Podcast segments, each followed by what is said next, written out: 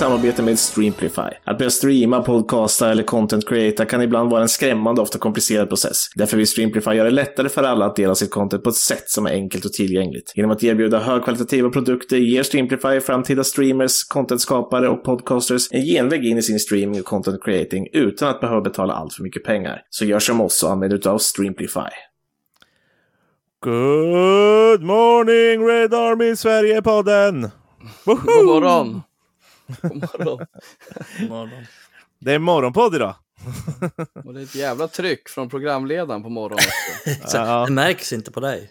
Nej, eh, nu vet ju ni sen vårt lilla chitchat här innan att jag bara sovit en och en halv timme, så att jag går nog på eh, sparlåga så att säga. Eh, försöker utnyttja mina sista krafter till den här härliga stunden med er två. Och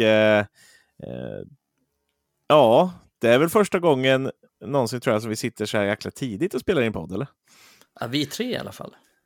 Ja, Ja, jag, jag har aldrig spelat in podd så här tidigt. Men eh, jag gillar det. Lite i alla fall. Det är mysigt. Jag och Emil gjorde det någon gång, minns jag. ja.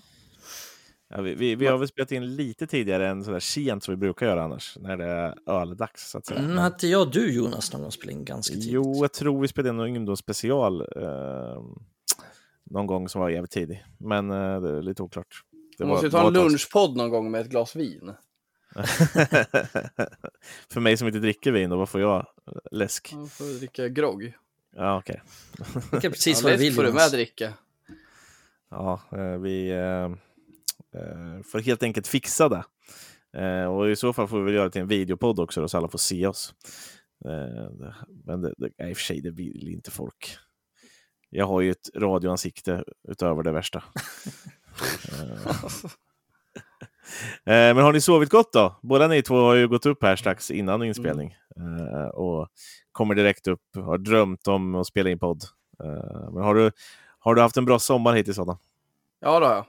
Haft jävligt bra sommar. Har lång semester.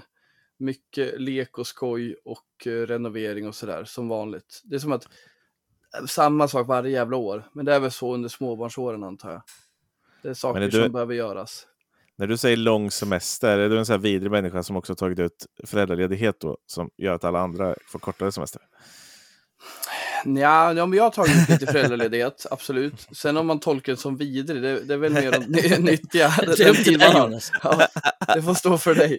Men Nej, ja, jag jag- har så här sex veckors semester. Ja, nej, det, man blir bara jävla... Eh, för att man inte själv har barn eh, så sitter man där och så får man bara sina fyra veckor och så kommer alltid kollegorna som har barn och bara jag ska vara ledig i åtta veckor. Ja, Jävlar får du skaffa. Jonas. Men jag vill inte. Jo, men du får skaffa så att du får den semestern. Sen behöver du inte ha Alltså, du kan ju Ja, låna ett barn eller något.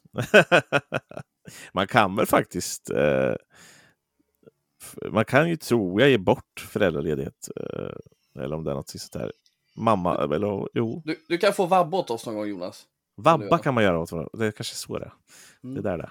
Eh, ja, det är inte så jävla kul kanske. Men eh, jag vet att det var någonting sånt. Eh, Jag var ju så- på Astrid Lindgrens Värld förra veckan och då hade jag på mig en Red Army Sverige-tröja hela jävla dagen där. Det var asvarmt, men jag kände mig så jävla läcker och gå runt i den. Ja, den där tröjan har exploderat. Tänkte jag så här, det kan ju vara så att till och med någon annan går runt med en Red Army Sverige-tröja här. Fan, ja, Det har gått iväg cirka 100 tröjor runt om i världen. Så, runt om i världen. Nu tar jag i, men ja, någonstans kanske jag landar. Det är ju en kille som kommer ha sin tröja. Han heter Ståle, han kommer ha den på Oslo-matchen nu mot Leeds. Så det är kul.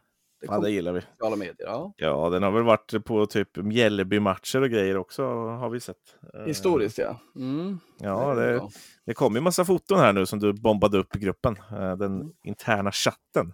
Det är kul Mer att sånt. se. Att, ja, precis. Och många nya beställningar har jag sett att trillat in också.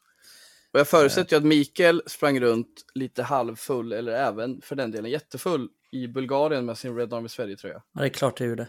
Mm. Ja, det är perfekt. I Pajala då? Har de fått sett den också? Från, eh, från den bästa sidan. Överallt. Jag bara springer upp med den överallt. Ja, Jag har bra. rest jävligt mycket i sommar så jag har haft läge att och, eh, sprida Red Army Sverige-tröjans ansikte. Sen vet jag inte om jag var en god representant för den. Jag trodde du skulle säga att du hade spridit något annat. Men Red Army Sverige-tröja får vi stanna vid tycker jag. Det låter Ja, där. politiskt korrekt nog. Och kul att höra att du hade den i Bul- Bulgarien. Men hur var det på Pajala marknad då? Har du något att förtälja därifrån? Ja, vad hände? Eh, nej, det var... Jag, dra... jag drack väl dygnet runt helt enkelt. Det Ja. låter väl På stanna. Pajala marknad också? Ja, ja. Ja, okej. Du söp, söp bort de små minnen du hade. Eh, Han är många. väl ständigt salongs. Och lite till ja, det är rätt. Det helt rätt. i tre dagar. Ja, själv har jag jobbat, men eh, jag var faktiskt i Stockholm i helgen på Gärdet och kollade på 90-talsfestivalen. Det var ganska Just kul. det, där såg ju fan stökigt ut Jonas. Ja, jag var ganska stökig faktiskt. Eh, Men eh, ändå helt okej. Jag var inte stökigast i Mm. sällskapet. Ja, det är det viktiga liksom. Så, att, så länge man inte är det, då får man inte all uppmärksamhet på sig. Så Nej, det, är- precis. Det är helt perfekt att vara näststökigast. Jag eh, tvingades av min sambo att stå i en en timmes kö för att köpa langos. Det var nog det värsta jag varit med om. Eh, Jag gillar inte köer. Ogillar Nej. folk. I Och allmänhet. gillar langos också, vilket är jobbigt att ja. köa en timme till något man inte gillar. Överskattad mat. Usch. Alltså grejen är, jag tycker inte att langos är äckligt, men är det värt en timmes kö? Definitivt inte. Eh, jag var sjukt besviken efter det och gick och köpte en hamburgare och stod i en halvtimme kö till. Man kan ju stå i en timme i kö för en, en hamburgare utanför Old Trafford. Så god är den. Men en langos skulle fan Mm. knappt stå i två minuter i kö. Det är så jävla äckligt. Bröd på potatismjöl eller vad fan det är. Jag vet inte, något sånt där skit. Usch, a mig. Mm. Nej, vi, vi Du släpper, geda mig. Släpper denna, denna jävla karnevalsföda och eh, tar oss vidare istället. Eh, öl är ju gott. Och eh, öl kommer det nog drickas eh, för en del spelare här i sommar och för oss också. Eh, Ja, men, Lindelöf, han har ju legat hårt med ölen Mm. och vinet. Eh, såg så ut faktiskt. Han såg, lite, Typiskt svensk. Ja. såg nästan lite plufsigare ut än vanligt Lindelöf på de där Han njuter av sin semester. Ja, han har gjort en Luke Shaw. Han har lärt sig. Luke Shaw var klacken på ryggen, du vet det där är inte okej längre. Nej, för jag såg någon semesterbild fan... Luke Shaw. Ja. Han ser trimmad ut alltså. Ja. riktigt jävla fit. Det är kul att se. Eh, men uh, bästa bilden jag såg var ändå den när, när Licha och uh, Varann dyker in på träningen samtidigt. Nej, fan. Då blir man lite kär igen. Då, då vill man se fotboll. Mm. Jag saknar att se Martinez spela. Ja, vi fick ju inte göra det i slutet. Det, det, ja, i- inte för att vi gjorde bort oss, men det hade nog varit ännu roligare om han hade spelat. Fan vilken show det kommer bli med, med Martinez och, och Nana. Och fy fan vilket kar karaktärsgäng. Ja, eh, och vi kan väl ge oss in där någonstans då i målvaktsfrågan. Och jag tänkte vi, vi får väl börja eh, hos människan som har lämnat oss. Eh, hans kontrakt gick ut efter, ja vad fan, han har varit här sedan juli 2011, David de Gea. Jaha, du pratade om David de Gea. Trodde du med att han hade dött. Ja, Han det, oss. Ja, fan. han är, alltså grejen är, jag vet inte hur han ska kunna fortsätta sin karriär eller vart det ska vara för att han ska kunna få en uppmärksamhet nu. Det, det känns som att han har ju varit United, typ. Och jag ser inte att typ Madrid ska ta tillbaka honom. Eh, Nej, det Att kommer inte gå till någon toppklubb nej, han hamnar väl i Saudi, som många andra dock. Lite, det är lite äckligt alltså. Jag gillar inte det där. Uh, att uh, det är alldeles för många unga spelare som går i Saudi också. Det, det är inte bra. Uh, Men de Gia i alla fall. Vad har vi att säga om de Gia då, Micke? Du måste ju, jag vet att vi har sågat honom en hel del här nu under senare år. Eller sågat, men vi har tagit bort honom i alla fall. Men vad säger du om de Geas tid i Manchester United? Uh, ja, nej, men den är ju lite eh, så här svårbedömd på ett sätt för att det är ganska uppenbart att han har varit en jävligt bra målvakt för United. Men jag vet inte riktigt egentligen hur mycket han har betytt om man säger så. Uh, för att United har vunnit en ligatitel under hans tid och då var han väl inte direkt tungan på, på vågen i den.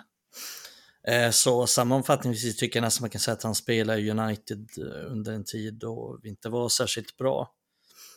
Eh, men jag kommer minnas hans säsong 17-18 var det väl. Framförallt då han var sensationellt bra skottstoppare. Då var, tänkte jag under en tid att han är fan den bästa skottstopparen jag någonsin sett. Typ. Men sen efter det så tycker jag det gick ut för lite. Jag tycker inte riktigt han har hållit nivån sen, sen den säsongen. Så jag tycker inte riktigt han har varit särskilt bra de senaste säsongerna. Och, och eh, förra säsongen nu så var det väl lite droppen, speciellt när vi fick en ny tränare som eh, som vill eh, spela ett spel där han inte passar in. Eh, så det ja. Tiden Han är en ganska, han är en ganska medioker målvakt numera och det är väl därför jag, som jag sa precis innan det. Jag tror inte han kommer gå till någon toppklubb och han kommer inte vara särskilt eftertraktad och så. Så det är väl väldigt, väldigt dags att släppa honom. Men i stora hela bra eh, under en tid då United var ganska dåliga. Men det har liksom inte gett oss så himla mycket att han var bra, tyvärr. Mm. Adam, du måste väl vara extra nöjd med tanke på att lönekuvertet eh, eh, han tar med sig bort härifrån var ganska gediget. Ja, absolut. Eh, Den har inte varit eh, varken marknadsmässig eller i nivå med det vi förväntar oss av en spelare. Alltså den är ju, det har varit den högsta lönen för en målvakt i världen och eh, den högsta i vår klubb sen Ronaldo drog. Och Mm. eh, det är liksom, ja men det har du ju rätt i och, och vi kanske kommer in på det mer, men de, de utmaningar vi har liksom med financial fair play och sådär, då är det är viktigt att bli av med en sån lön när vi inte har riktigt behov av den spelaren. Vi säger att det kanske är värt då om vi har en spelare som är tungan på vågen i varje match, men han är inte det längre. Och det var länge sedan han var det nu. Och det är så tydligt under Erik Ten Hag, som han har förklarat de här, liksom, eller som han har fattat det om när han slutade spela from the back med målvakten de första två matcherna, gick åt helvete för oss mot Brighton och Brentford. Han var inte rätt för Erik Ten Hag. Han har inte varit rätt för United heller på ett tag. Den eh, förmågan han har visat en gång i tiden, som är fantastisk, den är inte lika viktig längre. Och den är inte Mm. oviktig, men den är absolut Han är inte lika, lika bra på viktig. det heller. Han är inte lika Nej, bra han har ju tappat det med liksom. Så. så han har ju alltid haft problem med proaktiviteten. Han vill ju inte sätta prägel på en match, som många andra målvakter som är duktiga. Han har haft, han har haft en fantastisk förmåga mellan stolparna, men som Mikael säger, den har han också tappat. Och när han inte ens det är klockrent, då, ja, då, är, då är det tack och hej. Och, precis det du säger Jonas, den lönen, alltså det, det, är, det är tre Mm. toppklasspelares löner han täcker. Ja, och det, har ju varit så ett bra tag nu också. Eh, s- sen måste vi väl ändå toucha vid eh, vad United faktiskt gjorde här. Eh, jag, jag hyllade Ten Hag för att han verkar vara ändå den som, som har gjort det, eller han som har liksom fått det igenom enligt de rapporter som har kommit. Men att United lägger fram ett kontrakt eh, som mer eller mindre de Gea ska ha signerat, men sen som United inte skriver på, utan man drar tillbaka det här kontraktet. Eh, vad, vad, alltså, vad har ni för tankar om det? Är, är, det? är det bara positivt att vi faktiskt är lite mer... Eh, eh, ja, vad ska man säga? Vi, vi är inte så jävla sentimentala i det, utan vi är lite mer hårda. Eh, eller är det också Det är ju kanske... jättepositivt, det är det ju, men det är ju Mm. så, liksom, det är så oproffsigt hanterat. Ja, det är väl det jag Eh, tänker. och, Att och vi, vi borde aldrig hamnat här och nu blev det som det blev och så här, ja, det här blev inget bra, men det var det bästa för båda. Men att vi borde inte ha hamnat här. Vi borde inte så erbjuda den här nivån vi sen drog tillbaka. Och det är också så jävla oproffsigt någonstans att Erik Ten Hag ska kunna komma in och påverka det här. Alltså Ja. det är lite, vi är tillbaka till, vi kommer att prata om det, men vi har snackat innan Erik Ten Hag kom att vi ska vara en klubb där tränaren inte liksom är och styr och ställer för vi ska kunna få in en ny tränare om ett år om det så behövs. Mm. Och vi ska inte liksom, men det känns som fan Erik Ten Hag in och styr och ställer med en massa grejer här. Allt från förra säsongens värvningar i mångt och mycket till denna säsongs värvningar och sen till ett sådant beslut. Men jag tycker det är rätt. Det, det hade varit helt galet om vi ger han någon så här hög, för hög lön för en reserv så vi bara använder tio matcher per säsong i Mm. kupperna typ. Så jag tycker det är bra. Ja, det är, Men det är klart, det, var, så- det, var, det är så jävla dumt. Alltså vi pissar ju på de Gia med det här, det gör vi ju. Ja, det är det, Ja. som känns, det är det som känns jävla dumt. Alltså, jag, jag Och jag tycker tycker det- ingen människa ska behandlas så, men sen för klubbens skull, ja det är bra. För, för vår framtid. Vi kan inte förlänga med en spelare. Jag tror det kan vara så illa att Erik Ten Hag bara, vad fan håller ni på med? Har ni glömt vad som hände med FFP eller? Vi måste dra ner på kostnaderna, annars fan klarar vi inte de här skulderna vi ligger med. Alltså, jag undrar, fan vad Nej, jag, tror inte det handlar om, jag tror inte det handlar om FFP, liksom, att de erbjuder kontrakt. För att de verkar ju ändå ha sänkt hans lön ganska betänkligt. Så jag tror inte det handlar om FFP. Det är liksom billigare att ha kvar de Gea på en, på en lägre lön än att köpa Onana för 60 miljoner pund. Ja, men det är ju något annat. Det är ju för att vi behöver Onana. Jo, jo, precis. Men det, Det är ju en det annan sak, inte om vi gör ju vissa- Att, Nej, men varför, han- varför erbjuder han en lägre lön igen för då? Jo, men det är för att vi har sett, vänta nu, ska vi ha kvar då måste han ha ännu lägre lön. För vi har ju erbjudit nytt kontrakt, men vi har ju inte, han vill inte ha det. ja, nej, precis. Jag, jag alltså gissar väl... ner det till typ hälften, sen ville han halvera igen kanske, kan vi tänka sig. Och det har ju Mm. de Gea sagt, nej fan heller. Men varför gör han det, Mikael? Nej, nej, men jag, jag misstänker väl att Jag tänker, att, jag tänker att Erik Ten Hag har saker att förhålla sig till i sin budget. Och då tänker jag så här, okej, vi har kvar det sker, men då ska vi fan dra ner hans lön. För det, det påverkar också FFP. Det är inte bara transfersummor. Nej, nej, nej, precis. Eh, Jag tror också att det påverkar FFP på det sättet att jag tänker väl att klubben tänkte som så att okej, det sker kanske inte det bästa alternativet, men vi har kvar honom och så satsar vi på en forward eh, och en mittfältare kanske. Vi lägger pengarna där, sen kanske vi tar den här jävla målvaktssituationen om ett år eller två år istället. Mm. Jag antar väl att de tänkte så, men Mm. eh, som det verkar blivit så, så kommer vi inte få någon dyr anfallare. Vi kommer inte, det, vi kommer inte kunna köpa Harry Kane eller någon sån för den typen av summor. Så att jag gissar att vi kommer, vår forwardsvärvning kommer kosta typ så här 40 miljoner pund eller någonting sånt. Och då har vi väl antagligen helt plötsligt fått råd med, med målvakt. Men eh, det, det är inte superbra att klubben liksom gör en sak och sen eh, går Ten Hag in och avstyr det. Och det är väl lite otydligt eh, vem som gör vad och vem som styr och hur mycket de styr egentligen. För jag noterade det när eh, Luke Shaw skulle förlänga sitt kontrakt förra året. Eller det var ju det här året, men eh, alltså förra säsongen. Eh, då fick ju Ten Hag frågan om det, så här, bara, har, har Luke Shaw förlängt sitt kontrakt? Och då sitter han och säger bara, ja, ingen aning. Det kanske han har. Inte, inte vad jag vet i alla fall, men om han har gjort det så är det bra. Och jag menar inte att, liksom, att det är dåligt att Ten Hag inte vet om det, men då är det uppenbart att han sköter ju inte sånt. Alltså han sköter inte den typen inte. av förlängningar och sådär. Och det tycker jag inte att han ska göra heller. Men eh, nu blir det ju lite otydligt för att nu är det uppenbart att det är han som har gått in och avstyrt det här.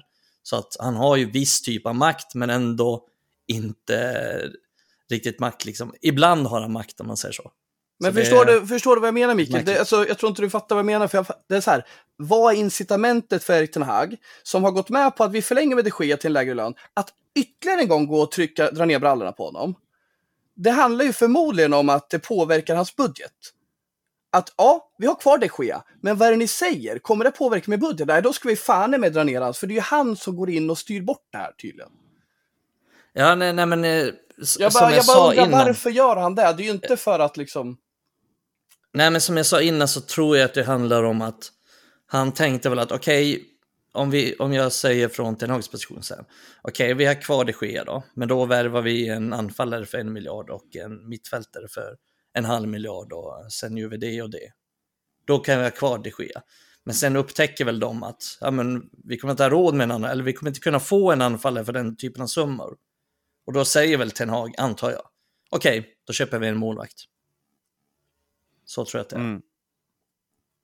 Och dra bort hans eh, lön, eller kontraktserbjudande. Ja. Ja. Ja, vi ser nog lite facit. olika på det, men det är intressant. Det är intressant tanke, facit. Nu släpper vi det.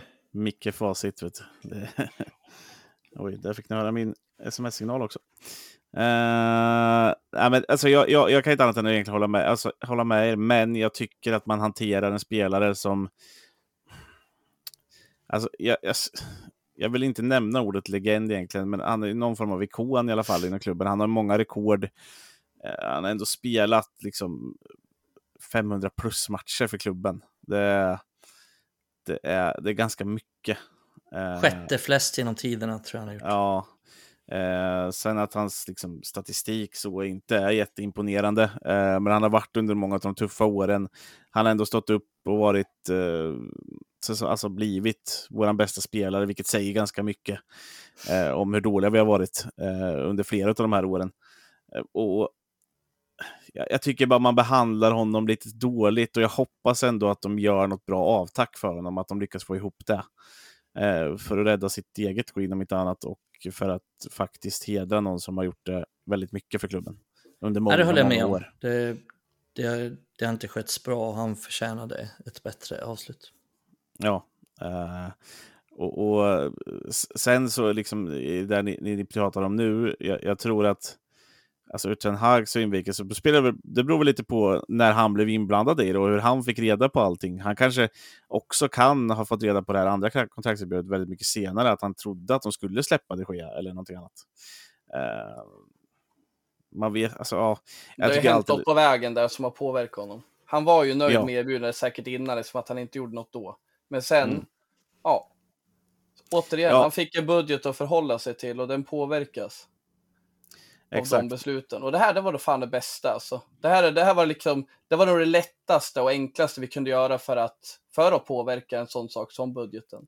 Vi får ingen transfersumma, men vi lättar på lönekontot något enormt. Och bara mm. han och Phil Jones som lämnar, det är cirka en halv miljon. Liksom. Mm. 500 000 pund i veckan i lön. För det är också en sån spelare som, ja men han skapar inget värde i den här klubben längre. Vi skeppar honom och vi blir av med en stor lön.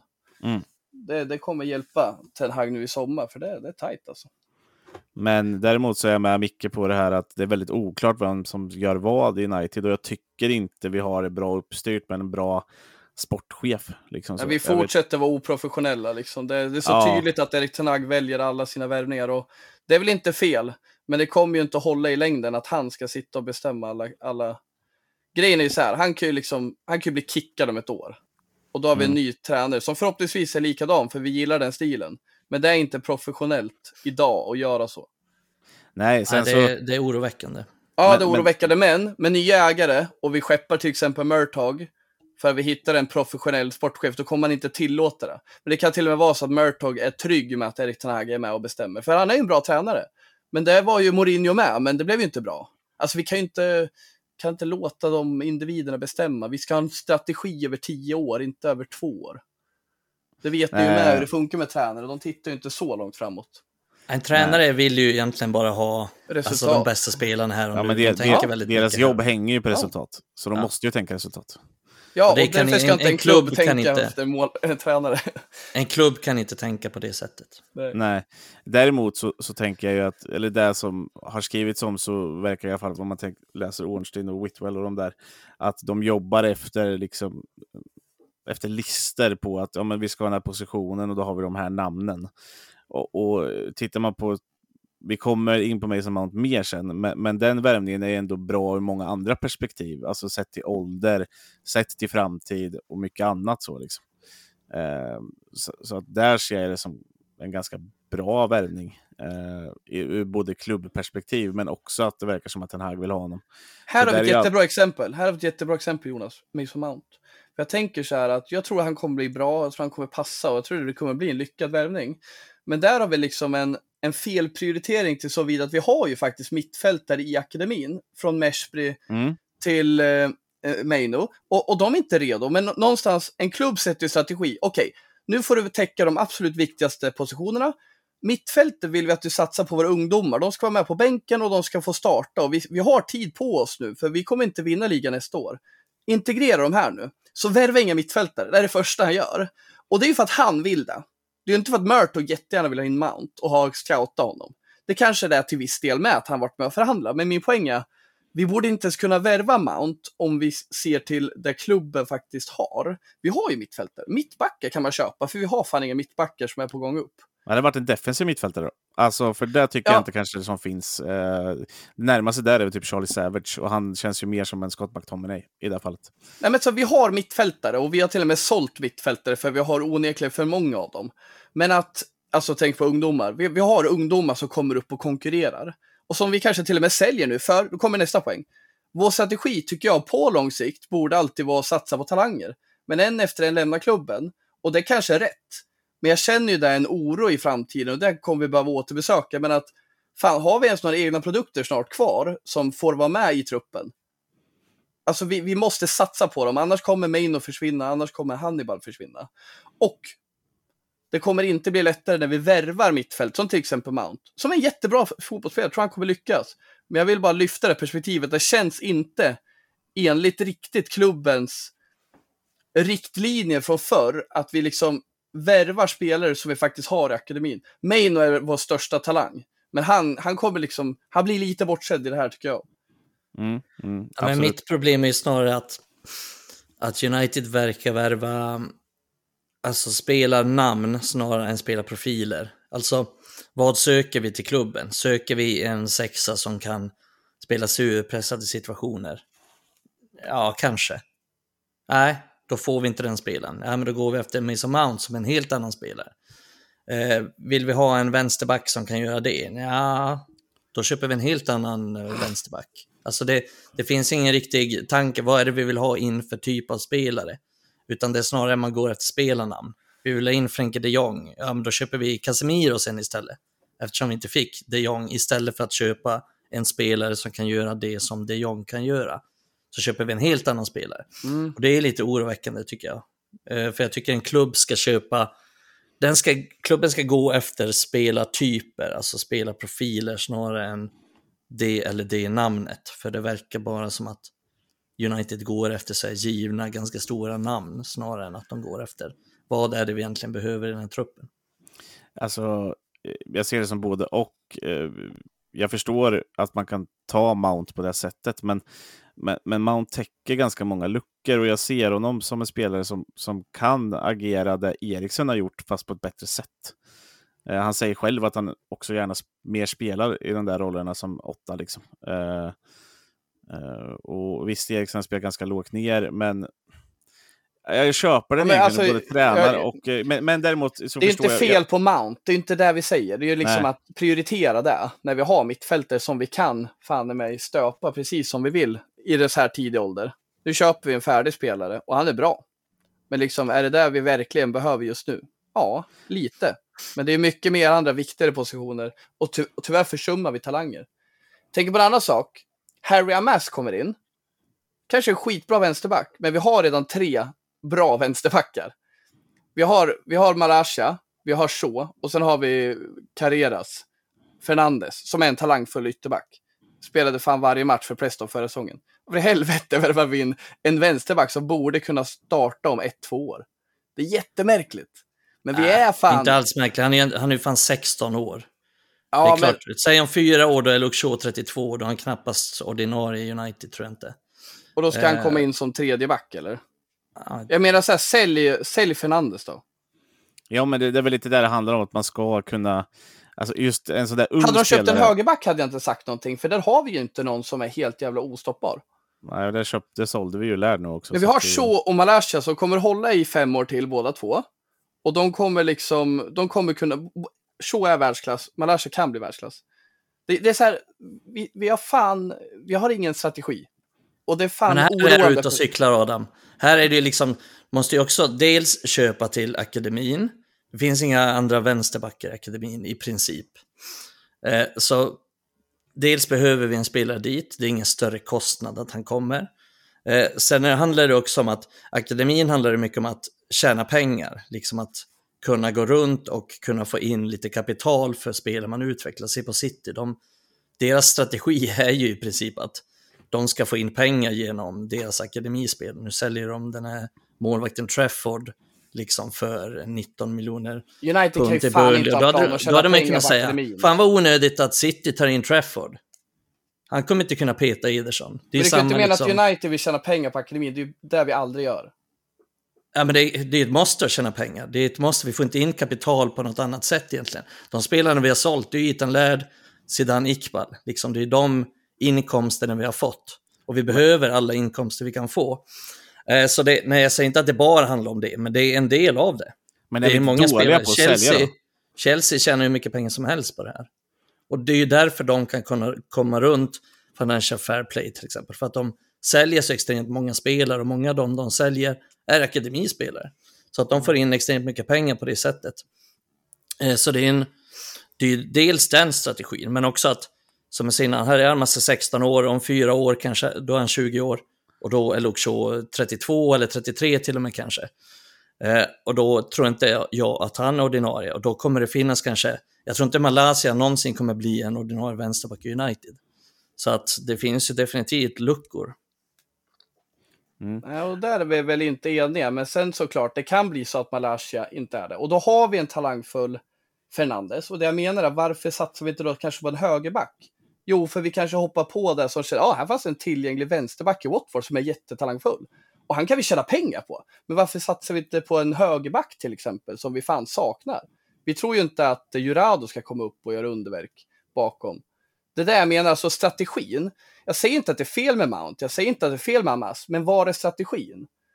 Och så här, satsa pengar, Ja, alltså, men- tjäna pengar på akademin. Vi har fan lagt ut hur mycket pengar som helst på akademispelare de senaste åren. Vi har inte sett någon avkastning på det, här, Mikael. Det kan inte Nej, vara nej, nej. poängen. Det kan inte vara Men poängen att är- köpa Willy Kamvala för att tjäna pengar. Nej, nej, men det är det är också olika budgetar, olika, olika liksom, det är två olika saker. Alltså köpa till Ja, A-laget, nej, men jag köpa till fastnar bara att du säger att vi, köp, vi, vi har akademin för att tjäna pengar. Det tror jag inte kan vara Uniteds idé med akademin. Det är väl snarare att få in dem i A-laget. Ja, För jo, det är vi väl klart. sämst på att sä- sälja spelare. Det vet ju du med, hur många spelare som varit för länge i klubben och sen får de gå gratis istället för att sälja dem i rätt tid. Jo, jag, menar, jag säger inte att det är bara för att tjäna pengar, men det är en, en del av det, att man kan tjäna pengar på akademin. Och är det så, ja men då fattar jag Amas om det bara är för att tjäna pengar. Men jag, jag tror bara vi är så jävla... Nej, men jag tror, inte, jag tror inte Korkade. man köper en spelare bara för en typ av sak. Alltså att nu ska han upp i A-laget, utan det handlar ju om så mycket mer. Nej, och jag, men jag köper ju det argumentet, för är det så som du säger, till exempel då, vi säger att Amas ska säljas vidare sen, det köper jag då. För vi har redan tre bra vänsterbackar. Mm. Tills vidare. Men sen är det Ja, också, så kan det sen bli. beror det ju på utvecklingen. Det kanske är Fernandes vi säljer istället för att Amas blir så jävla bra. Alltså det Precis. han- handlar väl också om att, att eh, bygga upp något som inte kostar så mycket pengar, utan det kostar bara utveckling. Så.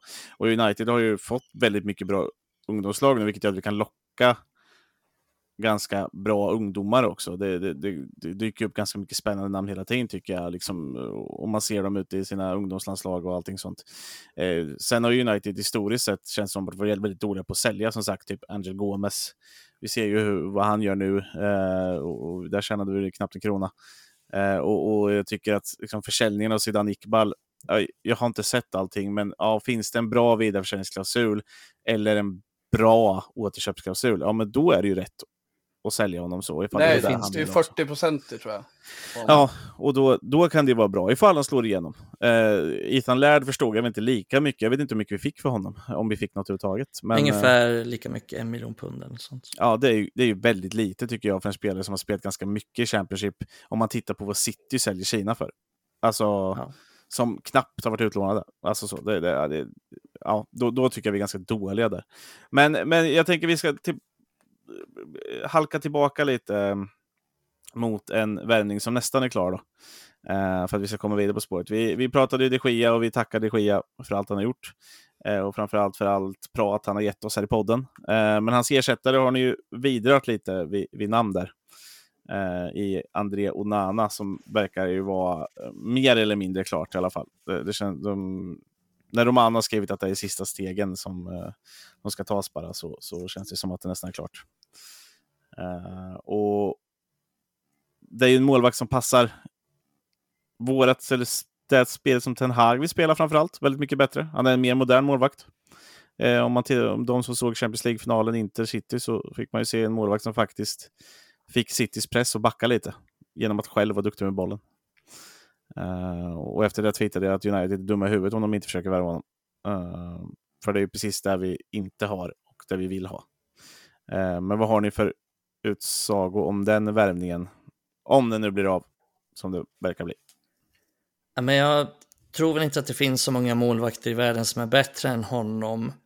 Och ser vi endast till profil så tycker jag det är helt rätt typ. Alltså han är, han är relativt ung, han är bra med fötterna, han är proaktiv men också någorlunda rutinerad. Som du sa, spelar Champions League-final bland annat. Där. Så nej, men den största skillnaden mellan de Gea och Nana är såklart att vi kan få ett tryggare försvar med en målvakt som är bättre på att kommunicera men också på att hjälpa försvaret. Sen är hans spel med, med fötterna på en helt annan nivå.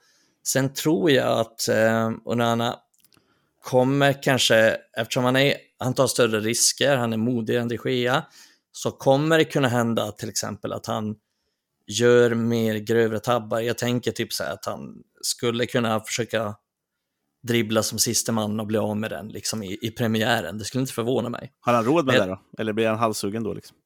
Nej, jag hoppas att han, att han inte blir det. Jag tror att i långa loppet så kommer han generera mycket mer poäng än vad, än vad de Gea har gjort de senaste åren. Så jag tror definitivt att det, det är en bra värvning. Sen kan jag väl tycka att det är, alltså det, det är ganska dyrt. Liksom. Jag känner väl alltså när man köper en målvakt att ah, kanske 60 miljoner pund, liksom, eller vad det nu kommer bli, 55 miljoner pund, för en målvakt är ganska mycket pengar. Så det är väl min enda farhåga med det, men jag är ganska säker på att han kommer lyckas. Eh, som sagt, Ten Hag har haft honom innan, han vet vad han får av honom.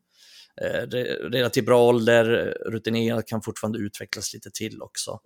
Eh, sen kommer han kommer hjälpa vårt spel mycket med, med hans spel med fötterna, för att det är definitivt någonting vi har saknat som vi pratat lite om med det sker och som vi har pratat om under säsongen också.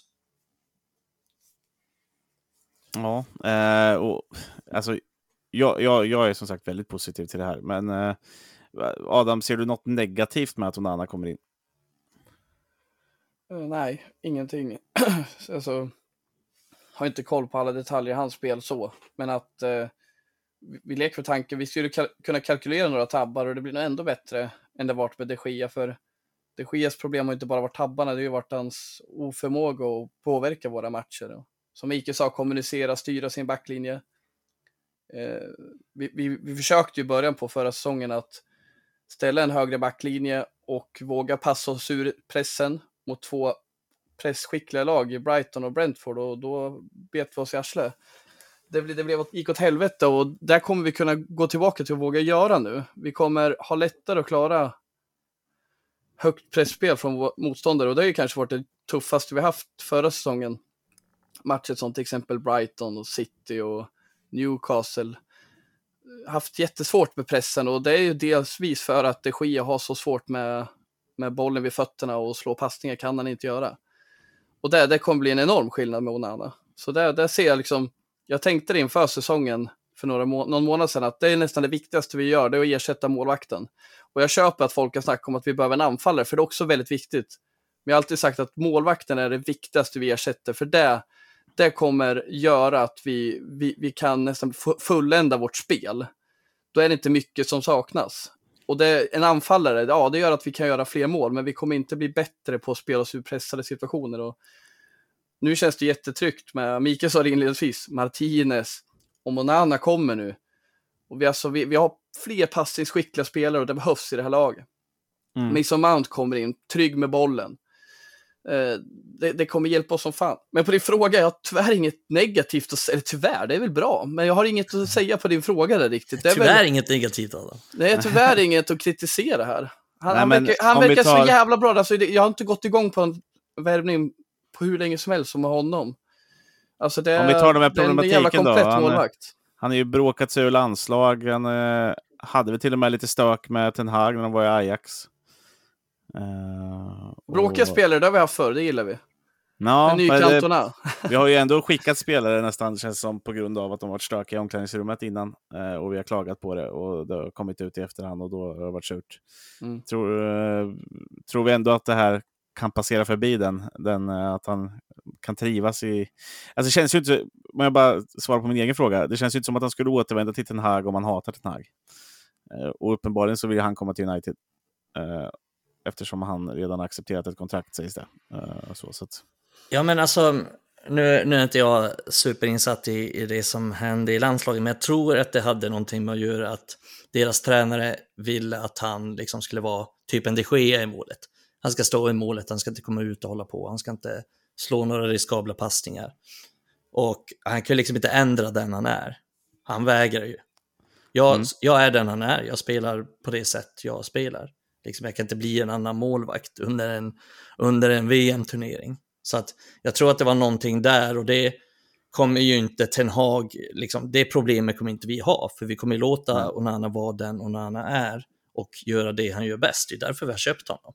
Så att eh, just där kommer jag inte se, se inte den problematiken. Sen, det som hände Ajax var väl just den här han blev väl dopingavstängd av något slag. Jag Mm. vet inte riktigt vad som hände där. Men... Nej, det har jag inte heller exakt koll på, men det är någon, någon form av avstängning fick han i alla fall. Ja, precis. Och sen, eh, jag läste lite om det där och det handlade väl någonting också om att Ten Hag tyckte att han var lite dåligt tränad när han väl kom tillbaka. Så satte honom på bänken i några matcher. Men som jag uppfattade det var det ingen stor grej utan han kom in typ efter fem matcher igen sen. Eh, Så stod han resten där. Så att, ja, men jag förstår din fråga, det är, en, det är en rimlig fråga. Men jag tror inte att det, det kommer hämma honom någonting sånt. Det verkar inte som att det finns så himla mycket i det. Eh, men en annan sak jag tänkte på där när du pratade om just det här spelet med fötterna Adam, det är en, det är en bra poäng, en viktig poäng, men en sak som jag också tror kommer hjälpa oss mycket är att eh, de senaste åren har vi stått väldigt lågt med laget, alltså bland de lägsta, till och med under Ten Hag så stod vi väldigt lågt med backlinjen och det har att göra med att vi har de Gea i målet. Men det här kommer ju också kunna hjälpa oss i vårt liksom, försvarsspel ute på plan för att nu kommer vi kunna stå högre upp i backlinjen för vi vet att Onana är en bra libero, han kommer komma ut väldigt, väldigt mycket hela tiden och avstyra de här längre bollarna, vilket inte de Gea gjorde. Och det kommer göra att vi kan stå högt med laget, vi kan stå högt, vi kan pressa högt. Eh, och vi kan på så sätt också få ett bättre försvarsspel, men också ett, ett bättre lag i det stora hela. Vi kan få ett mer Mm. kompakt lag, ett mer Kompakt i tryggt lag. Mm. Ja, ett lag som vågar stå högt och kan stå högt. För att man kan inte stå högt med ett lag om man inte har eh, någon press på bollhållare. Så att, eh, Mm. nej, jag, jag tror att det här kommer gynna hela laget mer än vad många tror. För att jag vet att många har en ganska konservativ syn på målvakter. Att hur bra är han på att rädda bollar? Är han bättre än de Gea på att rädda bollar? Ja, alltså det kanske han inte är egentligen. Men det är inte det, det stora hela här. Utan det stora hela är att han kommer kunna plocka inlägg i mycket högre grad. Han kommer kunna ta bort de här långbollarna i mycket, i mycket högre grad. Han kommer kunna spela sig igenom, han kan ju spela sig igenom lagdelar. Han kan ju spela igenom ett, ett lags mittfält i princip med en passning. Vilket han gjorde i CL-finalen mot City, bland annat. Eh, Mm. Vilket fick mig och Jonas att gå upp i lågor över hur bra Ja. han var. För att jag inte sett någon annan så mycket innan det. Så att det var... Jag bara så- såg jag bara sett dem i Ajax då under Ten Hag-tiden eh, när de gick till semi var det väl i, i Champions League och så där också. Eh, Precis, och sen ska jag bara säga en sista sak om Onana, just med det här skottstoppandet som jag tror många så här funderar över. Visst, han är bra på det, men hur bra är han på att rädda bollar egentligen? Eh, och jag känner väl lite att Onana är bättre på den här typen av närskott, frilägen. För det tycker jag att de Gea har varit ganska svag på. Och jag tror att i ett topplag så är det den typen av räddningar målvakter ofta får göra. Det är därför till exempel Liverpool har Allison, det är därför City har Ederson. För att de är inte, speciellt inte Ederson, de är inte superbra på den typen av långskott, men de är bra på, på att komma ut och rädda de här närskotten. Och det upplever jag att Onana också är, och det upplevde jag inte att de Gea var bra på. Men en, alltså, en av de största styrkorna, om vi bara ska avsluta det de Gea-kapitlet för evigt, hoppas jag, så är det väl att han var ju väldigt bra på att rädda liksom, distansskott. Eh, bra på att, jag vet inte riktigt hur jag ska formulera det, men han var ju väldigt, väldigt bra på att, eh, ja men säger, det jag tänker på när Juan Mata drar en frispark som håller på att segla in i kryss och så, jag plötsligt dyker han upp som en katt där och når den. Eh, och det är ju nästan ingen målvakt som gör den räddningen. Eh, Så det var ju de Gea en gång i tiden i alla fall jävligt bra på och ganska bra nu också men har väl eh, blivit lite sämre och sämre på det. Ja, och alltså, vi kanske inte får det av Onana, men du, du nämnde eh, proaktiv förut. Och, och jag tror att det kommer hjälpa oss även vid inläggsspel och sånt där också, för Onana är betydligt mer proaktiv än vad de Gea är och, och vill komma ut Mm. och vill påverka. Eh, och, och Visst, bara hans fördelningar med händerna och sånt också, utkast och sådana där saker är ju klasser bättre om man bara tittar på vad, bara genom att titta på Champions League-finalen kan man se det. och det kommer göra Eh, mycket för försvaret att ja. de vet att han kommer ut. För att det har vi sett ganska mycket förra året, eller de senaste säsongerna, att de är lite osäkra på, ska inte de Gea komma nu, eller ska han komma, eller va, vad gör han, var är han? De hör ingenting. Eh, och det är jävligt svårt att liksom ta bort bollar i, i det här målområdet, utan man förväntar sig att en målvakt ska komma och ta dem, men det har de Gea inte riktigt gjort, vilket har lett till lite förvirring och väldigt svåra situationer för backlinjen. Förstå en sån som Shaw som liksom spelar med de Gea i princip hela sitt proffsliv. Och helt plötsligt ska man få någon som bara gapar och ställer krav och, och liksom kommunicerar hela tiden. Mm. Det, det, är liksom, ja, det blir en jävla kontrast. Och som du sa Mikael, där med, jag läste någonstans att vi var femte lägsta backlinjen i hela ligan förra året. Mm. Över säsongen. Jag tror vi, vi hade lägre backlinje än Leicester och de åkte ur. Det kanske var fel av dem att ha så låg backlinje, men, men alltså vi har målvakter i bottenlagen som fan är bättre med fötterna. Och uh, nu har vi en som är ett jävla S i det. Fan vad Och jag lovar dig, vi kommer inte stå femte lägst med backlinjen nästa säsong. Nej. Inte Vi får ju inte stå kommer. lägre ner än Burnley liksom, då är vi ju helt ute och cyklar.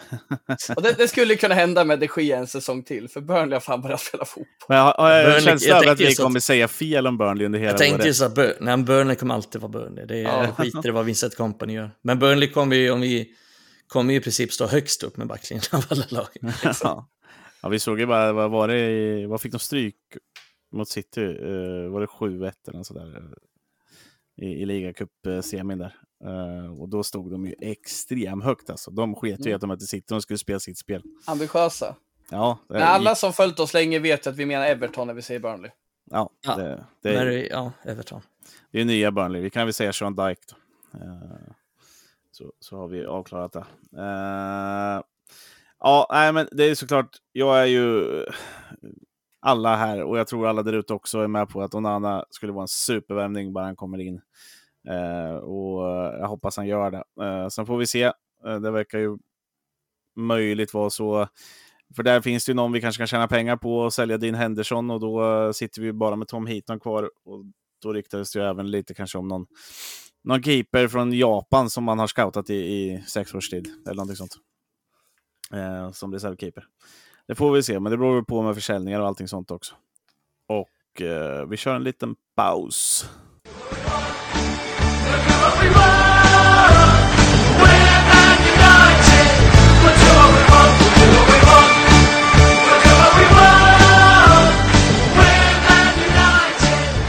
We do what we want. We do what we want, vi köper Mount från Chelsea. Exakt, och det är där vi ska in på nu. Uh, vi har ju touchat vid det lite i alla fall. Men uh, det är en spelare som uh, för det första blev klar redan i juni månad. Det är vi ju inte bortskämda med. Även om vi absolut inte var först på bollen det här transferfönstret. Det händer ju saker precis överallt i alla klubbar och framförallt våra värsta konkurrenter värvar ju till höger och vänster. Eller om man heter Chelsea så säljer man till höger och vänster. Eh, och en av dem sålde de ju till oss. Eh, och vi var ju inne på det, det är en spelare som framförallt kanske Ten Hag vill ha. Eh, eh men kanske också som du var inne på, Micke, ett namn. Eh, men han har bra ålder. Lite allting sånt. Hur, hur tänker du kring eh, just Mason Mount-värvningen lite mer specifikt? Ja, men jag tror väl att han kan vara en ganska mångsidig värvning. Jag tror att han kan erbjuda ett bra spel utan boll, eh, bra pressspel med mycket energi och hårt jobb. Så i det avseendet är han ju ganska lik Fred, alltså kan ta den roll Fred har haft också. Eller ersätta det Fred gör. Sen, eh, han har ju många strängar på sin lyra, vilket jag tror är den stora anledningen till att han kommer, för att Ten Hag gillar ju mångsidiga spelare. Eh, han har också djupledslöpningar, målskytte, vilket till exempel eh, Eriksen inte riktigt kan bidra med. Eh, men jag ser också att han är ganska tekniskt skicklig och en bra passningsspelare som kan driva upp med bollen. Helt enkelt en mångsidig mittfältare som kan klara av flera olika roller. Så jag ser honom lite, mm, om, lite mer konkret kanske som en ersättare till Eriksen. Men jag tror faktiskt att eh, Ten Hag kan använda honom lite olika situationer. Det är lite som när Eriksen kom och vi satt och diskuterade här. Ja, men hur har Ten Hag tänkt här? Vilken roll kommer han spela i? Och där var ju Adam först med att han kommer spela längre ner i planen. Helt övertygad om det. Och jag var väl inte lika säker på det, även om jag inte slog ner det så. Men eh, det är just det jag ser med Mount, att jag tror att Ten Hag kan ha en tanke som inte riktigt vi har. Eh, som inte vi, riktigt vi har sett. Och det behöver inte nödvändigtvis vara så att Mount har spelat i den här positionen så himla mycket, utan Ten Hag har sett någonting där och där litar jag verkligen på att eh, Ten Hag har en eh, tanke med det, men det som är bra väl är, är väl att Mount kan spela till exempel som en tia och då kanske han kan spela Bruno Fernandes på kanten och i, slippa ha liksom Weghorst eller McTominay som tia. Eh, kanske en toppmatch till exempel. Eh, sen ibland som åtta, kanske till och med mot sämre lag där han kan bli den som hämtar boll från backlinjen. Vilket Eriksen har gjort lite, men Eriksen är inte superbra i det alltid, har ju inte riktigt benen för att springa på samma sätt som, som Mount har. Eh, så jag tror att jag tycker Mount är bra. Jag tror att det är en bra spelare som kommer bli väldigt användbar och mångsidig och kan göra flera olika roller och på så sätt bli en jävligt bra truppspelare. Men jag hade ju helst sett en annan typ av profil egentligen. Eh, det jag vill ha mest är väl en typ såhär Frenkie de Jong typ, alltså en åtta med spelfördelare-egenskaper som kan driva upp boll och dribbla på mittfältet och spela sig ur pressade situationer som är väldigt presstålig. Jag är väl lite osäker på exakt hur presstålig Mount är. Däremot så är han ju mer så än de andra mittfältarna vi har kanske, misstänker jag. Men mm, eh, det är väl lite så jag ser på det. Sen hade jag väl kanske också velat ha in en, eh, alltså en sexa typ. Alltså typ Caicedo i, i Brighton som dels är jävligt bra defensivt. Mount, det är väl lite tveksamt hur bra defensivt han är egentligen. Visst, mm. han kan springa mycket och löpa mycket, men hur bra är han egentligen defensivt? Vi vet i alla fall att han inte är en superbra duellspelare eller sådär som kommer kunna vinna dueller på mittfältet. Och det tror jag hade varit viktigt i till exempel Caicedo, att vi får in en sån spelare som kan vinna de duellerna, kan springa mycket, men också har en bra passningsfot och är presstålig så kan spela sig ur pressade situationer. Eh, så helst av allt hade jag sett det, men jag tror att Mount blir en eh, bra och mångsidig värvning. Mm. Har du något att tillägga Adam? Nej, ingenting där. Det var väl förklarat om eh, honom. Jag håller med dig, jag hade också gärna sett en annan typ av profil, men nu har vi, nu har vi lagt de pengarna vi har tillhanda för mittfältet tror jag. Så det blir, mm. ja, blir intressant att se hur det, hur det landar då. Men det är, det är en bra spelare och jag gillar framförallt hans spel utan bollen, hur, hur han liksom ska kunna hitta ytor där våra passningsskickliga spelare kan eh, nå honom. Och eh, målfarligheten också, han är en spelare som kan göra mål. Mm. mm. Och eh, kul du säger det här med Bruno, jag tror faktiskt det kommer bli mycket sånt eh, i, i många matcher att eh, han kommer spela, att Mason Mount kommer spela 10 och Bruno kommer spela på kanten. Och det har Bruno gjort väldigt bra under våren mm. när han spelar på kanten. Så, så det, det kan, han kan flyga runt på många positioner den här rackarskotten. Ja men precis, på jag så tror sätt även att det är lättare för dem att, att, variera där också, även under matchen. Exakt. Ja, eh, exakt. Det har jag inte kunnat gjort med typ Eriksen, alltså så här, eller, eller Fred. Alltså så här, det, det, det passar inte Nej. lika bra. Eh, så. Men Mount kan ju gå ut på en kant och springa också. Uh, det blir, blir mer, och jag tror det, det känns ju som det är det han söker efter. Han vill, som nu säger att han vill ha spelare i, som kan göra många olika saker. Mm. Ja, då kan de också under matchen justera på ett helt annat sätt och ändra en matchbild genom att byta plats med dem på plan. Eh, till exempel. Eh, genom att ha fler sådana spelare. Eh, till exempel Rashford som kan spela lite överallt där framme. Ja, det, då kan han försöka variera genom att ändra om där också. Eh, så ja, jag tror Ja, jag är ganska glad över den här värvningen. Det kanske ni märkte när jag pratade förut. Jo, men jag tror att det, det blir en bra värvning, men jag är fortfarande lite orolig över att vi, jag tycker fortfarande vi har luckor i, i mittfältet och, och just det här med att det som vi hade problem med mycket, nu kommer Onana hjälpa till kring det, men vi behöver fortfarande mittfältare som kan, som kan passa bollen och som kan spela sig ur de här trånga lägena. Alltså om vi tar de här matcherna mot Brentford till exempel, när Eriksen tappar boll. Det är inte bara det att det sker slår en dålig passning, det är också det att Eriksen, han är inte dålig på det, men han är inte liksom toppklass på att hantera de situationerna. Och det är inte Casemiro heller. Eh, så att, och det tror jag inte Mount heller är, alltså just i de lägena. Han är, inte, han är ganska otestad i att till exempel hämta boll från backlinjen och på så mm. sätt kunna driva upp bollen och kunna kanske dribbla sig ur en svår, svår situation eller passa sig ur en svår situation. Det är det som är frågetecknet fortfarande tycker jag i United. Och sen visst, visst, det är svinbra att han kan spela 10 och vi kan få in Bruno på kanten. Det är svinbra att han kan vara en åtta som är bra på att göra det han gör och han kan göra lite mål, han kan göra lite assist, han är, han är bra på många saker. Men det är fortfarande det problemet att vi har några frågetecken fortfarande kvar på mittfältet trots att vi känns som att vi värvar och värvar och värvar och vi har fortfarande kvar frågetecken och sen kommer vi fortfarande behöva ha en ersättare till Casemir och sen om kanske två år så kommer vi behöva ersätta Casemir också så att det kommer ju de närmsta fönstren, om inte någonting händer med Kobe Maino eller Hannibal sådär, så kommer vi behöva värva ännu fler mittfältare. Så det är ju ett litet frågetecken där. Men just eh, om vi är inne på Kobe Maino som Adam nämnde innan, så är just det en spelare som kan göra de här sakerna. Han kan komma och hämta bollen från backlinjen, han kan driva upp bollen, han kan eh, slå en passning, han, han kan hantera att bli pressad och ta sig ur de situationerna. Men han är också stark i kroppen, en stark duellspelare och eh, en spelare som är bra i båda riktningarna, är bra defensivt men också bra offensivt. Eh, så jag hoppas ju nästan att Ten Hag har en tanke där Eh, med att just slussa in kanske Kobe Maino i, i laget. Det hoppas jag verkligen. Jag hoppas att det är liksom tanken med det hela och att han har en plan där. Men jag är inte riktigt säker på att han har det. Mm. Det, det vore väl egentligen det bästa. Alltså så, man tittar också på vilka som vi i det här ryktas och sälja så säger ju en av dem du nämner är Fred. Jag tror ju att Eriksen var ju en form av nödlösning förra året med tanke på pengar och allting sånt så kunde man få något gratis. Mm. Eh, och, och, han är ju en spelare som inte är på väg uppåt i karriären utan han kommer ju troligtvis sitta kvar på bänken och, och, och vara en bänkspelare nu och kunna hoppa in i, i de fallen han behövs. Eh, tror inte han är tänkt som startspelare i år, Eriksson. Om man, framförallt inte när vi värvar Mount också. Ja, det tror inte jag. jag tror inte heller. Eh, och, och då är ju en sån som Kobe Maino borde ju stå näst på tur ifall vi säljer Fred också.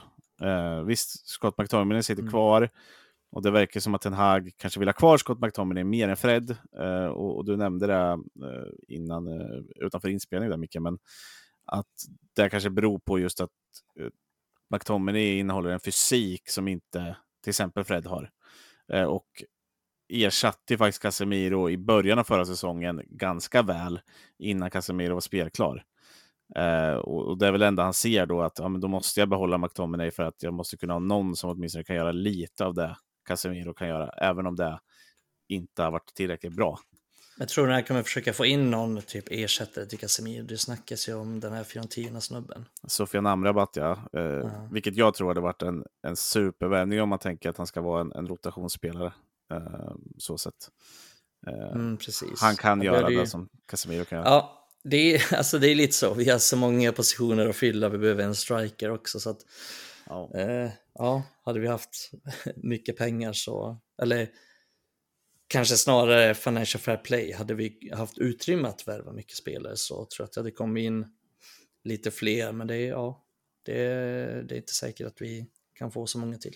Men här har vi Adam som precis har lagt upp en... Ehm, eh, ja, det var ju nästan ett dygn sedan nu. Eh, det dök upp eh, att vi riskerar att straffas Adam eh, rörande FFP. Kan du dra lite hur vi ligger till där eller hur har du det i huvudet?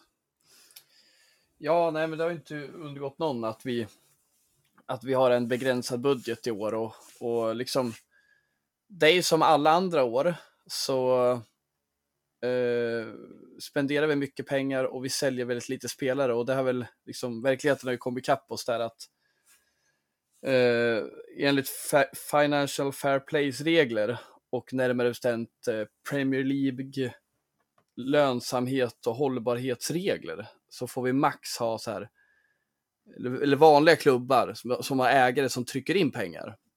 Så får man ha 105 miljoner pund i skulder när det kommer till eh, transfers och spelarlöner över en treårsperiod. Men mm. eh, i vårt läge då, som inte har ägare som trycker in pengar, så får vi maxa 15 miljoner pund och det är ganska, eh, ja, men det är ganska svårt att ta sig ner till nu som det ser ut. Vi, vi har en ackumulerad skuld över tre år på 200 miljoner cirka. Så, mm. så liksom, vi, vi behöver göra jättemycket, alltså dels på kort sikt då. Vill Ten Hag spendera mer än 100 miljoner pund, vilket vi tror att han vill, då behöver han sälja spelare.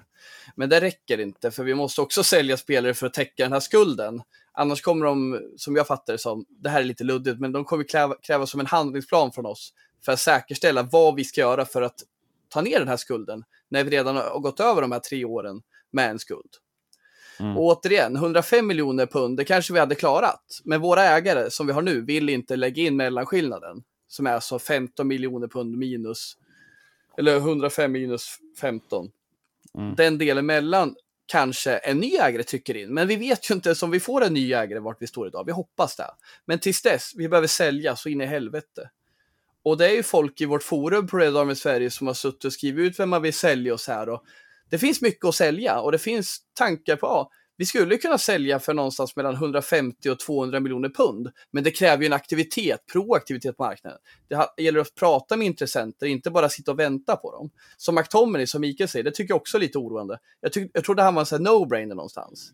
Men han kanske också är för att McTominay är inte ett problem, för hans lön är inte så hög. Då gör det inte om vi har kvar han ett år till och säljer han. Men Fred däremot, där vi har en bra intäkt på 20 miljoner pund vi kan få in, plus en förhållandevis hög lön.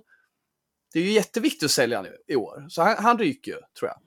Men McTominay, det är inte lika illa. Vi kanske kan sälja honom för 15 nästa år och samtidigt ha en låg eh, lön, vilket är okej för en reserv. Mm. Men sen har vi typ Martial, vi har eh, Maguire som troligtvis inte kommer få spela så mycket nästa säsong. De måste ju bort. Och vi kanske kan få in en ganska stor summa för Maguire. Så jag hoppas ju att, jag hoppas ju att det finns planer, bara att vi inte märker dem. Men som vi nämnde tidigare, det är fan våra Henderson och Fred vi har hört riktigt konkreta intressen för. Ja, men precis. Men det, det är så jävla svårt för att vi har satt oss i en jävligt svår situation de senaste tio åren egentligen. För Mm. att vi har en felbalanserad trupp. Om vi kollar på mittfältet nu så har vi väldigt gammalt mittfält, vi har ett ålderstiget mittfält. Och det är precis därför, precis som du säger där med, med Fred, för att han är Ja, men Fred är liksom alla andra. Det är bara McTominay som är relativt ung på det mittfältet. Det har Mason Mount nu också. Annars är ju alla i 30-årsåldern eller över. Mm. Eh, så att det finns en chans att sälja Fred och det är nu. Och det är därför jag tror han ligger i den riskzonen. Men äh, det som är svårt också med att sälja spelare det är att alla vet att United vill bli av med Martial. Alla vet att United vill bli av med Erik Bajy. Mm. Varför ska de betala pengar för det? De vet ju att United är desperata. Så att vi är i en jävligt svår situation och vi är i samma situation när vi köper egentligen också. Även om det blivit lite, lite, lite, lite bättre nu de senaste... Alltså Mount är inte super, super dyr och, och Casemiro var inte super, super dyr egentligen heller. Så att eh, det blev, har väl blivit lite, lite bättre på det, även om det är, fortfarande är ganska dåligt. Kolla på Anthony som kostar en miljard i princip. Eh, för alla vet att United är desperat. Alla vet att United är desperata över att få in den spelaren eller att sälja den spelaren. Och det sätter oss i en dålig förhandlingssituation. Eh, så det är, det är jävligt svår sits och det är många spelare som har hög lön som är svåra att bli av med. Till exempel Maguire. Det är ingen riktig toppklubb som kommer vilja köpa honom. Det är typ så här West Ham, Everton, den typen av klubbar som kommer vilja köpa honom. Och de kanske inte riktigt har råd med hans lön. Och det är samma med eh, Bajy och Alex Telles och alla de där också. Eh, så, mm, det finns... man hoppas är ju precis de här spelarna du nämnde, som alltså Maguire, Henderson, man kan få en summa, man kan bli av med en hög lön. Och det finns intressenter, men de som inte finns intressenter för, till exempel Bajy och Telles, det är ju bara att låta dem lämna. Alltså, då är det en miljon pund. För vi, vi, kommer Ja, det inte, vi kommer inte få dem sålda, det är som du säger. Bajy kan man vänta till sista dagen och ta en gratis, för att man vet att United aldrig kommer spela honom. Mm. Eller Nej, eh, precis. till exempel Henderson. Ja, men har vi, har vi, har vi liksom Heaton som andra målvakt och tar in någon annan, ja men Henderson kommer vi, det är bara att sälja liksom. Och Ja, Henderson vi... ju också, Henderson har också värde. Alltså det finns folk som vill ha honom. Så att jag tror att när Onana blir klar så kommer Henderson säljas ganska snabbt. Eh, men jag tror att eh, United avvaktar lite med att se, får vi inte in någon annan då behöver vi ju ha Henderson som första målvakt. Så är det ju, får vi inte in någon målvakt. Så att jag förstår ju att de väntar där och vi har ju råd att vänta med det också. Nottingham Forest eller någon annan klubb kommer betala ganska mycket för honom så att honom kommer vi få sålt. Men med typ Alex Telles, det kommer ju bli så att eh, Porto köper honom för en miljon pund liksom sista, Mm. sista transferdagen för att Mm. mm, alla vet att vi vill bli av med dem så att då, det, är ingen, det är ingen klubb som har bråttom att ge United några extra pengar. Men vad säger ni om jag bara slänger det till exempel, säg att vi inte får uh, Maguire såld. Mm. Ska vi inte hugga på någonting för Lindelöf då, eller? Eftersom där finns det intressenter, uppenbarligen. Eh, det har ju funnits där både i januari och ryktats nu i sommar. Även om Jag tror det är en risk för att han är ju ändå... Jag känner väl lite mer och mer om att, att vi behöver ha Lindelöf kvar som tredje, fjärde alternativ. För just nu ser jag att han går före Maguire. Ja, det gör han. Eh, Så det är lite risky liksom. För alltså det är ju, det är ju frågan om om Maguire liksom håller som tredje alternativ eller fjärde alternativ. Jag är lite tveksam till att han gör det just nu. Jag hade hållit med dig Jonas om jag inte trodde att vi skulle kunna få Maguire såld. Jag tror absolut vi kan få han såld för typ 30 miljoner pund och bli av med den höga lönen.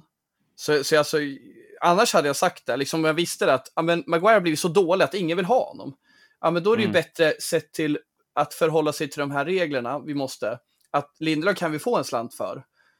Men, men att jag tror, inte, jag tror vi kommer få Maguire såld. Du håller med Mikael, en viktig spelare att ha som reserv ändå. Jag tycker han har verkligen höjt sig och han är ganska bred. Han kan spela högerback i vissa matcher och sådär.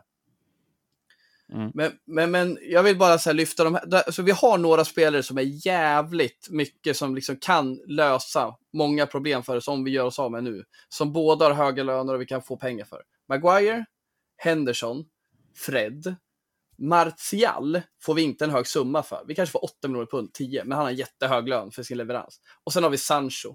Sancho är spelare, om jag hade liksom suttit och spelat Precis. Fifa nu så vill jag ha kvar honom, för det är en bra spelare och jag tror han kan leverera bättre än han kan. Men han har en jättehög lön och vi kan få en bra summa för han. Och så här, vi är inte i något jävla läge nu där vi kan sitta och vraka och välja och bestämma hur vi ska göra. Som Mikael antydde förut, efter det jag pratade om, vi har satt oss i skiten. Vi har gjort det i många år. Jag tror Sancho också i den lyxlirarrollen han har. Vi har tagit in Mount, vi får in Ahmad. Vi har till och med Hannibal som kan spela 10 i vissa matcher som vi vill satsa på. Det kanske inte finns någon plats för Sancho. Vi har pratat också om Sanchos brister, att han inte har löpmeterna i sig. Det här kan lösa mycket. Jag säger inte att vi får tillbaka pengarna på Sancho. Vi borde kunna få mycket pengar för Sancho. Ja, och jag, var, jag tänkte precis... Och hans lön, den är en av de högsta Sancho. i klubben och han får knappt spela. Exakt. Och han... Jag är inte emot att ha kvar Sancho, det är inte det egentligen heller. Men jag, när vi satt och pratade om det, där känns det, där Sancho kan spela, där behöver vi inte heller ersätta.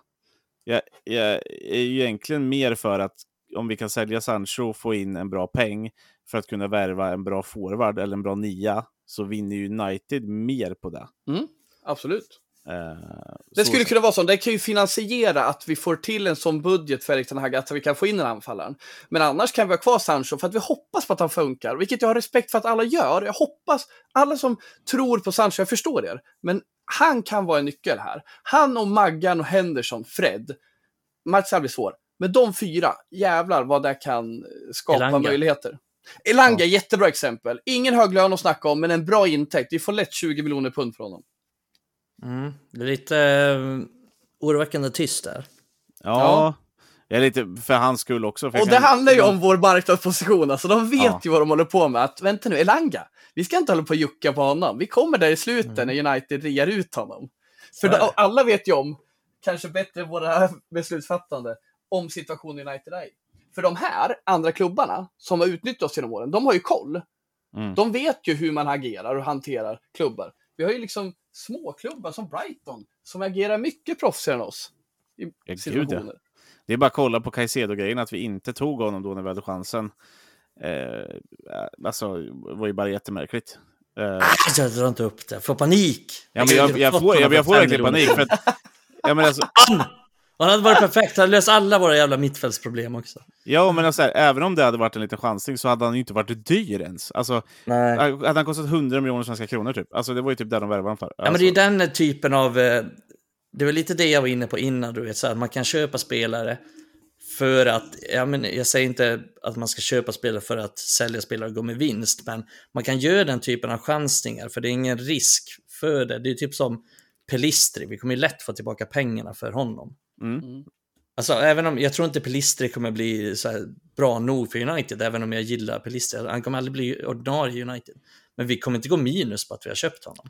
Absolut inte. Eh, och det är samma med flera av de här yngre spelarna som vi genom alla år har köpt. Typ så här. Vi kunde köpa typ eh, Javier Hernandez, också lite av en så här småchansning, även om Ja. han blev mycket bättre än vi tänkte. Men det är också där, det är, det är, ingen, det är ingen risk med den typen. Alltså, vi, kunde, vi har gjort jävligt många så här ganska dåliga värvningar. Du vet, vi köper Alexander Byttner eller BB, vad fan heter alltså, Men vi gör ingen stor förlust på dem. Alltså, det är Vi, ingen vi, kan ta ett, vi kan ta ett nyligt exempel. Daniel James. Ja, fan. Alltså, ja, alltså, det är ju en av de få spelare vi till och med har gått plus på. Även- han är en av eh, våra största intäkter någonsin. För Ja, för och det, det, och det är helt sjukt. Men det är, det är en ganska... Fan, Leeds köper 30 miljoner pund för Daniel James. Alltså, Ja. Det är fan det dummaste någonsin. Men- det är men- dummare än en miljard Men vi för ska göra Maguire. mer affärer med Leeds. Det är alltid Det är dummare än en miljard för Maguire. Men var det, en, var det en orimlig summa vi värvade honom för? Nej. Och egentligen är 30 miljoner, alltså 300 miljoner så, så i dagens ekonomi. Nej, det är inte orimligt för en spelare som ändå visade att ja, men han ska kunna spela i Premier League. Och för en klubb där nere då som då vill spela kontringsfotboll så tänkte jag att ja, vi får ju en kontringsspelare här. Det är ganska uppenbart. ja, det är ganska... Det enda han kan. Ja, Vad men, alltså, snackade vi om för summor på Caicedo då? Var det 5 miljoner pund eller? ja, men det var ju mellan 5 och 10. Men vi kan köpa alltså. Ahmad för 30 miljoner pund. Det är en chansning på riktigt. Men det är inte en chansning att värva Caicedo. Det som stör mig mest är att vi var nära. Det är inte så Ja. att vi missade han bara för att Brighton är bättre på att scouta. Brighton högg för att vi gick och funderade på något annat liksom. Ja, men så här, Det Brighton, var något agent- och Ole det dyker upp spelare i Brighton som man inte ens har sett. Liksom. Ja, men det Alltså, var något agentstrul med Casilla. Jag vet inte riktigt vad det var. Jag, jag vill inte veta något. Jag vill bara radera det från mitt minne. Ja, men kolla bara förra året. Jag, från ingenstans mitt under säsongen så dyker det upp en jävla Enciso i, i Brighton. Och man bara, okej, den här killen kan ju verkligen spela boll. Och var fan kom han ifrån då? Liksom det, det, det, de dyker bara upp där. Alltså, sådana här grejer måste United också kunna göra bättre. Han kostar liksom ingenting för Brighton att värva, mer eller mindre. Eh, Mm. Det, det, det är sånt där. Och sen är det så här, allt sånt kommer inte slå bra ut, men ibland måste man säga, ja men Caicedo framför allt. Jag tittade då när vi kopplades ihop med liksom, redan då kunde man ju se att ja, men där har vi ju en sexa. Liksom. En sexa med lite driv i steget. Eh, som vi hade kunnat ha nytta av. Sen om han hade utvecklats lika bra i United, troligtvis inte lika fort i alla fall, för han inte får spela lika mycket. Men hade han ens blivit hälften så bra som han är nu, så, så hade vi ändå haft användning för honom och han hade kunnat fortsätta utvecklas. Alltså, jag, jag blir fan förbannad också. Vi kanske inte ska prata Ja, men vi släpper. Det är inte innehåll. Men eh, det är vad det är med det. Men det är, jag håller med. Fler av den typen av eh, värvningar, lite mer chansningar. För det är, ing, det är ingen stor risk med, med dem. Nej, och där kanske vi har ett problem som vi nämnde förut, att vi som Sancho-värvningen, ja men vi värvar ju ett namn där. Det gör vi ju. Ja. Eh, och det, Och det, och det är också jättebra exempel på det vi pratade om innan där med att det är tränaren som vill ha honom, det är inte klubben som vill ha honom. Sen Mm. kommer en ny tränare in och så vill han inte ha honom. Mm. Och då blir det en jävligt dyr affär. Och då blir det, det är ett jävligt dåligt sätt att göra affärer på. Det är ett jävligt dumt sätt, ett jävligt osmart sätt att sköta en Mm. klubb på. Jag tror aldrig, om vi hade haft en ordentlig sportchef, hade vi aldrig värvat Harry Maguire. Nej, nej, nej. Ja, Man kunde ha sett direkt att... Nej, för helvete. Så, det, är så, det är så emot allting. Nej, men Det den sommaren liksom, Daniel James, Harry Maguire, Aron van Bissaka, liksom så, så värdelösa sätt att spendera pengar på. Men ja, det här har vi ältat i all oändlighet. Men det är ju det, är ju det vi, har, vi får leva med nu. Och det är i alla fall någonting som funkar bättre nu. Så oavsett om det, visst det kanske inte fungerar klockrent, men vi åtminstone, om vi tar förra sommaren och vad det verkar nu också, vi har värvat spelare som de, har fallit väl ut ändå, Mm. måste vi ändå Mm. säga. Ja, och man kan klanka ner på Anton hur mycket man vill och att han kostade mycket pengar, men jag står fortfarande fast vid att jag tycker att han gjorde en ganska bra säsong ändå, och framförallt det du har tjatat om. Att han gav oss en annan typ av ytterspel. En spelare som kan hålla i bollen och, och hålla kvar bollen, även fast han också kan vara ett hot. Han har ändå bidragit till laget, alltså, Mm. jag tycker knappt Sancho har gjort det egentligen. Nej, jag tycker inte vi är bättre med Sancho på plan, men jag tyckte vi var bättre med Antoni på plan. Ja, exakt. Mm. Eh, Ganska lätt så. Eh, ja, men det kommer ju behöva säljas, det kommer ju behöva göras en hel del. Nu har vi egentligen avhandlat vårt schema för idag. Eh, Vi tar små steg, ja, både Rudolm i Sverige-podden och Manchester United. precis. Eh, och förhoppningsvis när vi dyker upp i podden nästa gång så har det väl hänt ännu mer roligt åtminstone. För, ja, kanske en försäljning.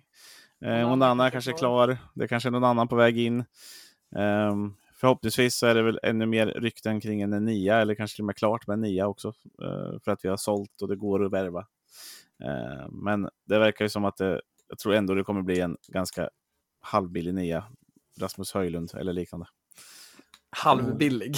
Ja, Ah, det Där snackar om chansning. Fatta om han kommer för 50 miljoner pund och sen liksom är han helt okej de, vill ju bara. till, de vill ju till och med ha 80 liksom. Och det är, Ja, det är så jävla sjukt. Ja, men jag Då- tänker så här, köper vi han så lägger vi inte 80, men vi kanske lägger 50 för vi trycker ner det på några jävla vis med några Mm. avbetalningar.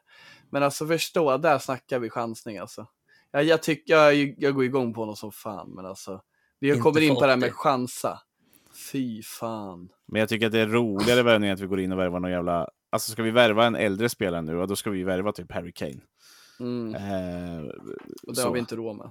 Men alla våra strikervärvningar de senaste, vad fan ska vi säga, 10 åren har ju varit typ 35 bast. Ja, det är bara Lukaku, han var typ 24 när han kom. Ja. Eh, och det, det följer ju inte så jävla väl ut heller i och för sig. Även om man Nej. börjar bra. Ja, herregud. Eh, Det är ja, intressant kan, det där. Vi har ju inga anfallare i akademin heller att ta vara på, Mikael. Så det, det Nej, gäller att värva eller köra Martial och låna in Weghorst igen. ja. Ja. för fan, Charlie fucking McNeil, han kan väl gå in och sänka City. som Ballon d'Or. Platsar för fan inte sin Newport, för fan, det är ju Nej. League 2. Eh, han behöver växa på Fy sig fan, lite. det har inte gått bra med vissa av de där värvningarna. Nej, men, Charlie McNeil, fan. nej, men sen är det så här, Charlie McNeil kan absolut bli en, som säger så, en Championship Premier League-spelare till slut. Men Som vi sa innan, ingen, eh, ingen risk. Nej, exakt. Eh, det var ju bara en bra, gav oss ju ett FA Youth Cup och lite sånt där och det är ju bara bra för, eh, för United i sig. Eh, men i alla fall hörni, eh, vi får tacka för idag. Eh, tack alla där ute. Eh, hoppas att ni var nöjda att vi nu har spelat in det här. Eh, även om det kommer ut på en tisdag då. Eh, så, så, eh, som inte är så vanligt. så Det är lite så under sommaren. Det blir lite hipp som happ. Eh, jag tycker det är jävligt kul att sitta med er två här igen i alla fall. Och, och tack Micke. Eh, tack Varsågod. Adam.